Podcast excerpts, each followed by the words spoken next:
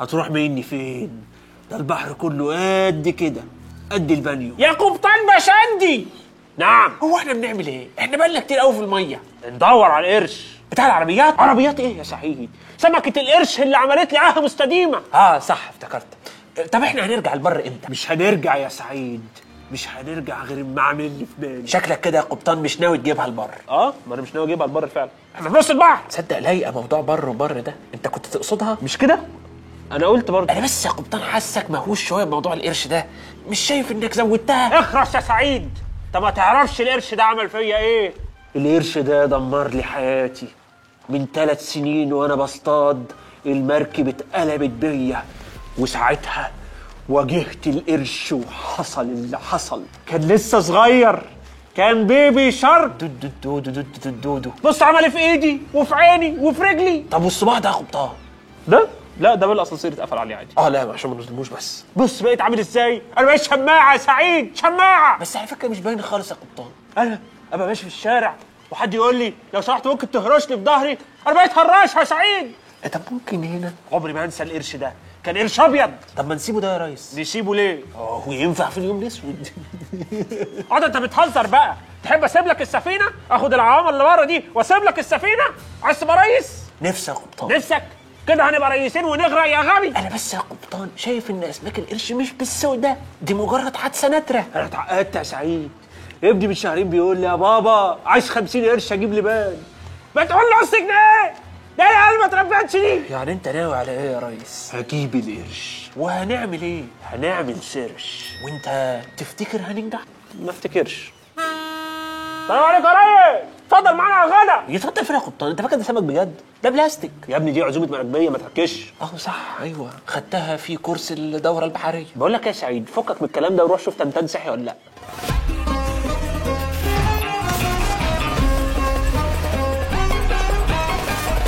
أعزائي المشاهدين السلام عليكم ورحمة الله وبركاته. أهلا بكم في حلقة جديدة من برنامج الدحيح. عزيزي المشاهد زي ما حكيت لك حكاية الفيل هحكي لك حكاية الدرفيل. وزي ما كلمتك عن مفترسين البر هنتكلم النهاردة عن مفترس البحر الأول. ده يا أبو حميد زي التجمع الأول سمكة القرش. السمكة اللي بتسبح في المية وفي كوابيس محبي البحر والصيف. محدش عايز ياخد مايوهه وعوامته ويلاقي زعانف بتتحرك جنبه. إلا بقى لو رامز هيديله فلوس بعدها. سمكة القرش يا عزيزي آلة القتل الحية في الماء في المحيطات والبحار. المياه الساحلية والعميقة المالحة والعذبة حتى القطبين الشمالي والجنوبي. دي كأنها كلاب شوارع. أكلات لحوم بتحوم حوالينا. بفك وجينات افتراس واحتمالية دائمة للغدر. واحتمالية بجد مش مجرد خيال. أخبار هجوم أسماك القرش مالية الجرايد والقصص الشعبية. ولعل أشهرها اللي حصل في صيف 1916 لما شاب أمريكي اسمه تشارلز كان بيقضي أجازته مع أسرته في أحد الفنادق القريبة من المحيط الأطلسي في مدينة نيوجيرسي. وقبل ما ياخد عشاء نزل يتمشى شوية مع الكلب بتاعه. الكلب فضل يلعب على الشط وعمك تشارلز قال بقى أنا نفسي أنزل الميه شوية. وبعد مدة قصيرة تشارلز بدأ يصرخ في رعب شديد. الناس اللي بيتمشوا على الشط بياكلوا فريسكا ويشربوا حلبسة سمعوا صوت استغاثة مختلط بصوت الامواج افتكروه بينادي على الكلب بتاعه لكن بسرعة أخدوا بالهم إن ممكن يكون بيغرق أو في مشكلة. فنزل حراس الإنقاذ ينقذوه ويسحبوه على الشاطئ. بس كان too late فات الأوان. تشارلز كان تعرض لهجوم من أحد أسماك القرش الأبيض اللي تسبب له في نزيف لحد الموت. نزيف قوي كفاية. لدرجة إنه يموت قبل ما يوصل الشط. وبعدها بخمس أيام يتكرر هجوم سمكة القرش على قبطان سويسري قريب من شاطئ الحادثة الأولى. لون المية يا عزيزي اتلون بلون الدم. وسط الصريخ وفزع الناس. الموضوع ينتهي هنا؟ لا طبعا. أمال إحنا بنعمل حلقات ليه؟ خلال أيام بعد الحادثتين دول يروح ولد ضحية سمكة القرش يشوف راجل الانقاذ ويحاول ينقذه فيموت هو كمان. بفك نفس السمكة أربع قتلى يا عزيزي في خلال 12 يوم بس. في يوليو 1916 وده في حادثة فريدة من نوعها لأسماك القرش لأن معظم علماء الأحياء ساعتها كانوا فاكرين ان عض سمكه القرش. ما تقدرش تقتل إنسان أصلا. أصل معلش يعني كائن هيكل جسمه معمول من غضاريف ده حتى ما فيهوش عظم. زي غضاريف مناخيرك يا عزيزي. هيبقى فتاك إزاي؟ الحادثة المرعبة دي يا عزيزي اتسجلت كأول هجوم قاتل لأسماك القرش في التاريخ الأمريكي. سببت رعب وصدمة كبيرة عند الناس. والفترة طويلة تسببت في قفل الشواطئ وكانت موجودة على كل الجرايد. فقام الحكومة الأمريكية قامت قالت يا جماعة لازم نتصرف. فقامت جايبة علماء وباحثين لدراسة هذه الكائنات والخطر اللي بتمثله. ينزلوا ويشوفوا إيه السمكة اللي مش مكبرانا دي. لا عاملة اعتبار لحرمة المصيف ولا رجالة الإنقاذ ولا حد عارف يعوم في البلد دي. جسم ضخم يوصل ل 6 متر ووزن يعدي الطن ومش بس تمتلك واحدة من أقوى العضات في مملكة الحيوان لكن كمان بتعتمد على تقطيع الفريسة وهز راسها عشان تقطع اللحم. وكل يا عزيزي ما نيجي ننسى اللي بتعمله وسائل الإعلام تطلع لنا بحادثة جديدة. حصلت هنا ولا هنا؟ يخرب بيتك يا سمكة.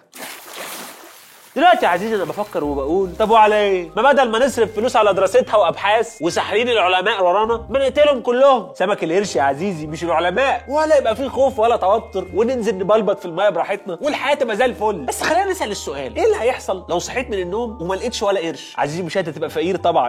لا يعني. أنت مش معاك ولا قرش؟ لا لا أنا قصدي العالم يا عزيزي. لو ما فيهوش ولا سمكة قرش. خليني أقول لك سمكة القرش الشهيرة بتاعت حادثه نيوجيرسي اللي حكيتها لك دي اللي بتيجي على بالك لما تيجي سيرة سمك القرش؟ اسمها القرش الأبيض العظيم great white shark ده نوع واحد من أكتر من 400 نوع سمكة قرش. الأنواع دي وخصوصا الضخم منها موجودين في أعلى السلسلة الغذائية البحرية. فتلاقي سمك القرش بياكل الأسماك الأصغر منه شوية. الأسماك متوسطة الحجم زي سمكة التونة مثلا. يعني شايف كل عضلات القرش دي بتيجي عشان بياكل تونة وبيسمع الكلام أو بيرفض الكلام. وسمكة التونة دي نفسها بتتغذى على أسماك أصغر منها. الأسماك الأصغر دي بتتغذى على الطحالب. الموضوع كده وماشي زي الفل من ملايين السنين. طب بقى نرجع لسؤالنا لو القروش دي اختفت لا قدر الله عزيزي المشاهد هيحصل إيه؟ الأسماك متوسطة الحجم زي التونة عددها هيزيد ما هو محدش بياكلها. فتقوم واكلة الأسماك الأصغر وبالتالي مش هيتبقى حاجات تاكل طحالب. فالطحالب دي تغزو سطح الماء. واحد يقول لي طب إيه المشكلة يا أبو حميد؟ ما تخلي الطحالب تنتشر. لا يا عزيزي الطحالب لما بتنتشر بتأذينا كلنا. مثلا بتسد خياشيم السمك وتبدأ تلوث المية وتحجب الشمس وثاني أكسيد الكربون عن الشعب المرجانية الملونة الجميلة.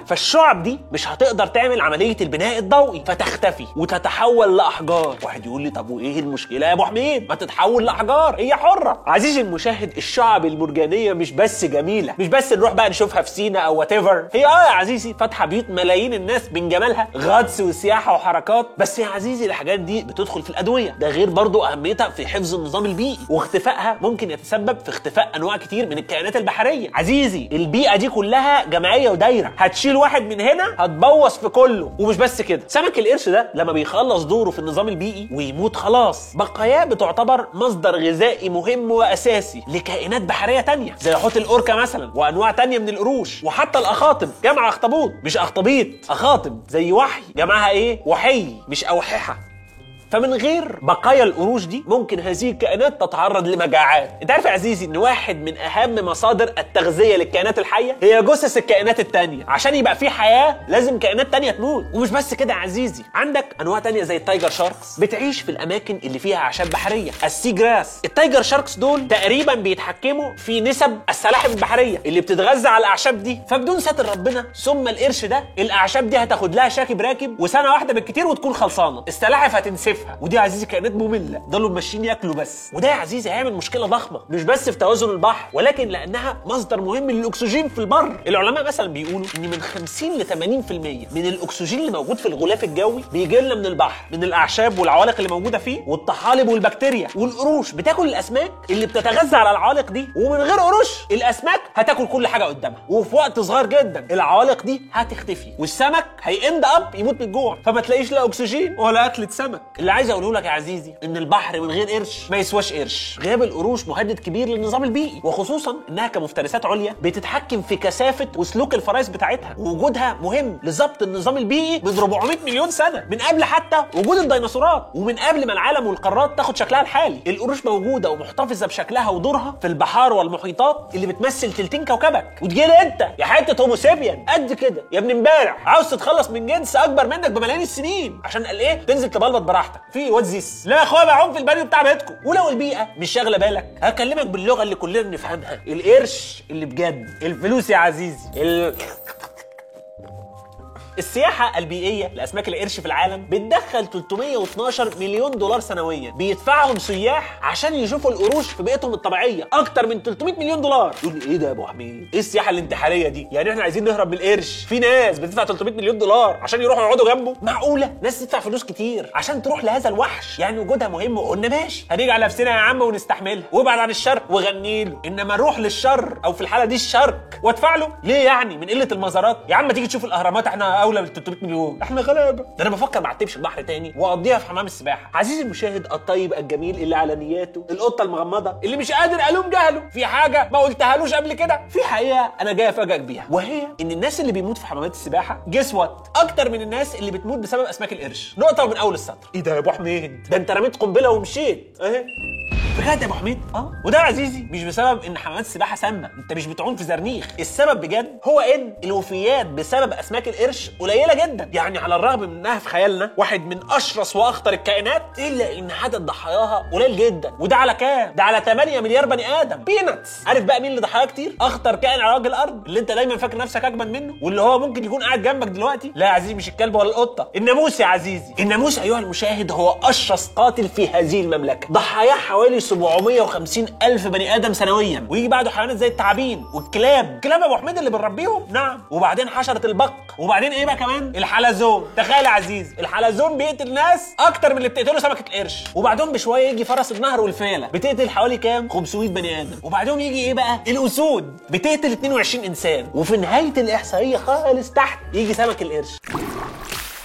حادثة نيو جيرسي يا عزيزي اللي قلتها لك في أول الحلقة. ألهمت الكاتب والمؤلف بيتر بنشلي اللي حولها لرواية بعنوان Jaws وترجمها الكاتب نبيل فاروق لرواية باسم الفك المفترس عن سمكة قرش متوحشة ورحلة ثلاث أبطال لقتلها. وبعد صدور الرواية على طول أخذها المخرج الحائز على الأوسكار ستيفن سبيلبرج اللي لسه كده شاب في بداية عشريناته وحولها لفيلم إثارة ورعب من بطولة وحش. بيخرج من المحيط بهدف سفك الدماء بتمثل دوره سمكة قرش ميكانيكية مصنعة بتكلفة 2 مليون دولار. بعد ما كان بيفكر يدرب سمكة قرش حقيقية إلا إن الخبراء ضحكوا عليه. وقالوا له مفيش حاجة اسمها كده. السمكة يا عزيزي في الفيلم بتتبع الفرائس البشرية لحد ما تقتلهم واحد ورا التاني. في أجواء مرعبة وموسيقى تخطف القلب. فيلم عظيم وتحفة فنية متكاملة كنا بنشوفه وإحنا صغننين. يا على ال traumas يا عزيزي. وأنا كنت بنزل البحر بعده الفيلم ده. ده أنا قعدت ثلاث أربع أصياف ما بنزلش. أقعد أتفرج على الناس وأحط إيدي على قلبي. كنا كل ما نقول لبابا عايزين نصيف نلاقي الفيلم شغال على ال DVD بالصدفة. ما نعرفش إيه السبب. الفيلم ده يا عزيزي كان علامة فارقة في تاريخ هوليوود وواحد من أوائل الأفلام اللي تخطى إيراداته ال 100 مليون دولار. وفاز بثلاث جوائز أوسكار. واتعرض على التلفزيون المصري في يناير 84 باسم الفك المفترس على القناة الثانية وكانت أول مرة عزيزي التلفزيون يعرض إعلانات وسط الفيلم نجاح جماهيري ساحق لفيلم رعب غزاه خوف البشر الغريزي من احتمالية خروج شيء كامن أو مختفي علشان يأذيه. شبه خوفك من عفريت هيطلع من تحت السرير ويمسك في رجلك ومن بعدها يا عزيزي والمصايف واجهت خوف واضح. حتى إن ال tagline بتاع الفيلم كان see it before you go swimming you will never go in the water again اتفرج على الفيلم قبل ما تعوم عشان غالبا مش هتنزل مية تاني. وبالفعل يا عزيزي الناس بقت تحكي عن توتر ورعب لما يجوا ينزلوا المية. بس يا عزيزي خليني أقول لك وأنت يمكن كنت عارف إن التصور اللي الفيلم صوره عن أسماك القرش هي صورة مش موجودة غير في الفيلم ملهاش علاقة بالواقع. الفيلم عمل سمعة مخيفة عن أسماك القرش واعتبرها مفترس شرير بيقتل بدون وعي بيقتل ضحاياه وبيطاردهم كأنه قاتل متسلسل ولنجاحه الكبير ساهم في تشكيل التصور العام عن القروش وخلاها من أكتر الكائنات المرعبة في عالم الحيوانات وده في ظاهرة بيسميها الخبراء الجوز افكت التاثير اللي تسبب فيه فيلم الفك المفترس اللي زود خوفنا من المجهول والرغبة في إلقاء اللوم لما الأشياء تبوظ. وإحنا كبشر يا عزيزي كائنات عاطفية أكتر من كنا كائنات منطقية. فالفيلم ربط القروش بمنتال شوتة ذاكرة عاطفية وأفكار بتراودنا أول ما بتيجي ست القروش. اولا إن أسماك القرش اللي بتهاجم وبتعض البشر بتعمل كده عن عمد ثانيا إنها لو عضت فهي عضة قاتلة لا محال. وده أثر على الطريقة اللي بتتناول بيها وسائل الإعلام أسماك القرش. لما بنعمل وثائقي أو نغطي أخبار القروش بنتكلم على قد إيه هي عنيفة ونركز هجماتها على البشر. 60% من الأخبار عن القروش من سنة 2000 ل 2010 بتركز على هجمات القروش. لأن if it leads it leads. طول ما الخبر فيه دم الناس هتتلم. وده اللي معظم الناس بتتصوره عن القروش. يعني مثلا في دراسة اتعملت سنة 2004 وجدت إن الكلمات المرتبطة في دماغ البشر عن القروش كلمات سلبية زي الخطر والخوف والموت والقتل والدم والافتراس والإرهاب والقبح. لكن التصور ده بيستند على أسطورة. مجرد صورة فنية من خيال مخرج ومؤلف. لكن مش الحقيقة. عايز تعرف الحقيقة عزيزي؟ المشاهد الحقيقة من الناس اللي اتعاملوا مع القروش وعارفين القروش وعاشروا القروش سواء عاملين في السياحة أو باحثين بيحكوا إن القروش زيها زي معظم الحيوانات اللي بتمتلك مخ كبير. كل فرد فيهم له شخصية مختلفة. في منهم اللي ما بيفضلش يتعامل مع البشر ومنهم الودوديين اللي بيحبوا البشر. ومش بس كده ده بيروحوا يقعدوا في حجر البشر ويخلوهم يطبطبوا عليهم كأنهم حيوان أليف لدرجة إن بعض الباحثين والغواصين بيطلقوا عليهم ال sea puppies حاجة زي الحيوانات الأليفة ال cute بتاعة البحر. أصلا معظم أنواع القروش ما تقدرش تأذي الإنسان. من بين أكتر من 400 نوع من القروش 30 نوع بس اللي تسجل لهم هجوم على البشر. عزيزي المشاهد مش كل الانواع مفترسة. عندك النوعين الأكبر من القروش ال basking shark وال whale shark بياكلوا بس العوالق اللي في البحر ما بيصطادوش بيفتحوا بقهم كده في المية واللي يجيبوا ربنا رزق. اللحم البشري مش في منيو سمك القرش أصلا. وأنت يا عزيزي مش في اهتماماتها. إن شاء الله يعني. غذاء سمك القرش قايم بشكل أساسي على الأسماك واللافقريات واحيانا الثدييات البحرية. ولكن لأن القروش كائنات فضولية زينا كده كبشر ومشهورة إن لما شيء بيثير فضولها بتعضه برفق زي ما بيعمل الأطفال؟ عشان دي وسيلتها الوحيدة إنها تعرف تفهم إيه اللي قدامها ده. ما عندهاش إيدين. أي نعم أسنانها أكبر من الأطفال حبتين ثلاثة أربعة. يعني يمكن تكون مش أكبر من سنان الأطفال ولكن أكبر من الأطفال نفسهم. بس هي دي طريقتها. والتفاعلات بيننا وبينهم بتحصل بسبب إننا بننزل الأماكن اللي بيعيشوا فيها فاحيانا بيحصل الهجمات دي. ولكن ورقة وقلم يا كابتن مدحت وتعال نبص على الهجمات دي بالأرقام.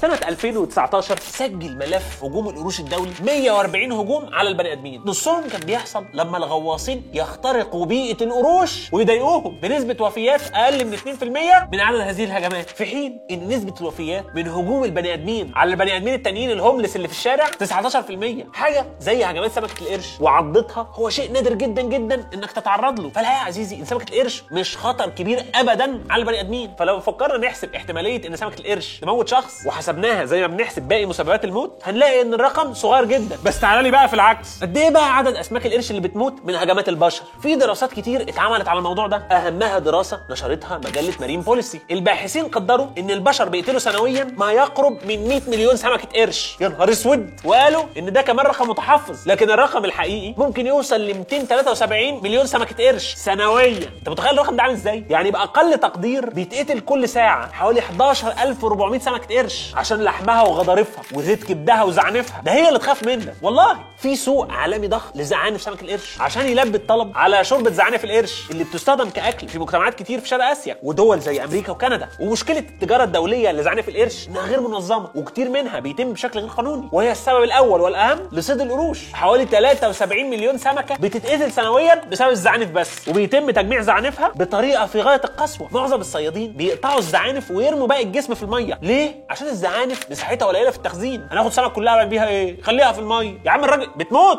والزعانف ليها أهمية مصيرية بالنسبة للقروش. ما تقدرش تعيش من غيرها. لأن على عكس باقي أنواع الأسماك القروش ما عندهاش ما يسمى بال swim bladders ده حاجة عند السمكة مليانة غاز وبتساعد السمكة إنها تحافظ على توازنها. بدل ما تقوم مقلوبة وواقعة في البحر. القروش بتحافظ على توازنها بطريقة مختلفة. باستخدام زعنفها بالديناميك ليفت الرفع الديناميكي. لانها بتعوم طول الوقت. ما ينفعش تقف. بتستخدم زعنفها الجانبية عشان ترفعها بطريقة زي اللي بيها الطيارات في الهواء باستخدام جناحاتها اللي بتبقى مصممة بشكل وزاوية تمرر الهواء تحتها وينحرف لتحت. ونتيجة لده بيبدأ الهواء يسبب ضغط على جناح الطيارة فتطير لفوق. القرش بيستخدم هذه الطريقة لكن بدل الجناحات بيستخدم زعانف. وبدل الارتفاع في الهواء بيرتفع في المية. فتخيل عايزين إنك جايب طيارة في الهواء وشايل لي جناحاتها وقمت شايل جناحاتها وسايبها. يا فرحتي! كده عزيزي الطيارة مش هتطير. زي بالظبط ما القرش من غير زعانف مش هيعرف يعوم. عمليات قطع الزعانف دي بتؤدي لأن القرش ينزل في قاع المحيط ويستقر لحد ما يموت من الجوع. أو ينزف لحد الموت أو تاكله حيوانات تانية وهي صاحية. الممارسات دي أدت لأن حوالي 100 نوع من أنواع سمكه القرش اللي هو 25% من أنواع سمك القرش بقى مهدد بالإنقراض. لأن البشر بيقتلوا قروش بمعدل أسرع بكتير من تكاثر أسماك القروش. والعجيب إنها المفروض إنها أكتر حيوان مرعب في مملكة الحيوان وهي في أكتر سنة موتت فيها أشخاص موتت 12 شخص بس. ده اللي هي البيك بتاعها. عزيزي إحنا بنموت العدد ده من القروش في أربع ثواني بس. اللي القرش بيجيبه في سنة إحنا بنجيبهم في أربع ثواني.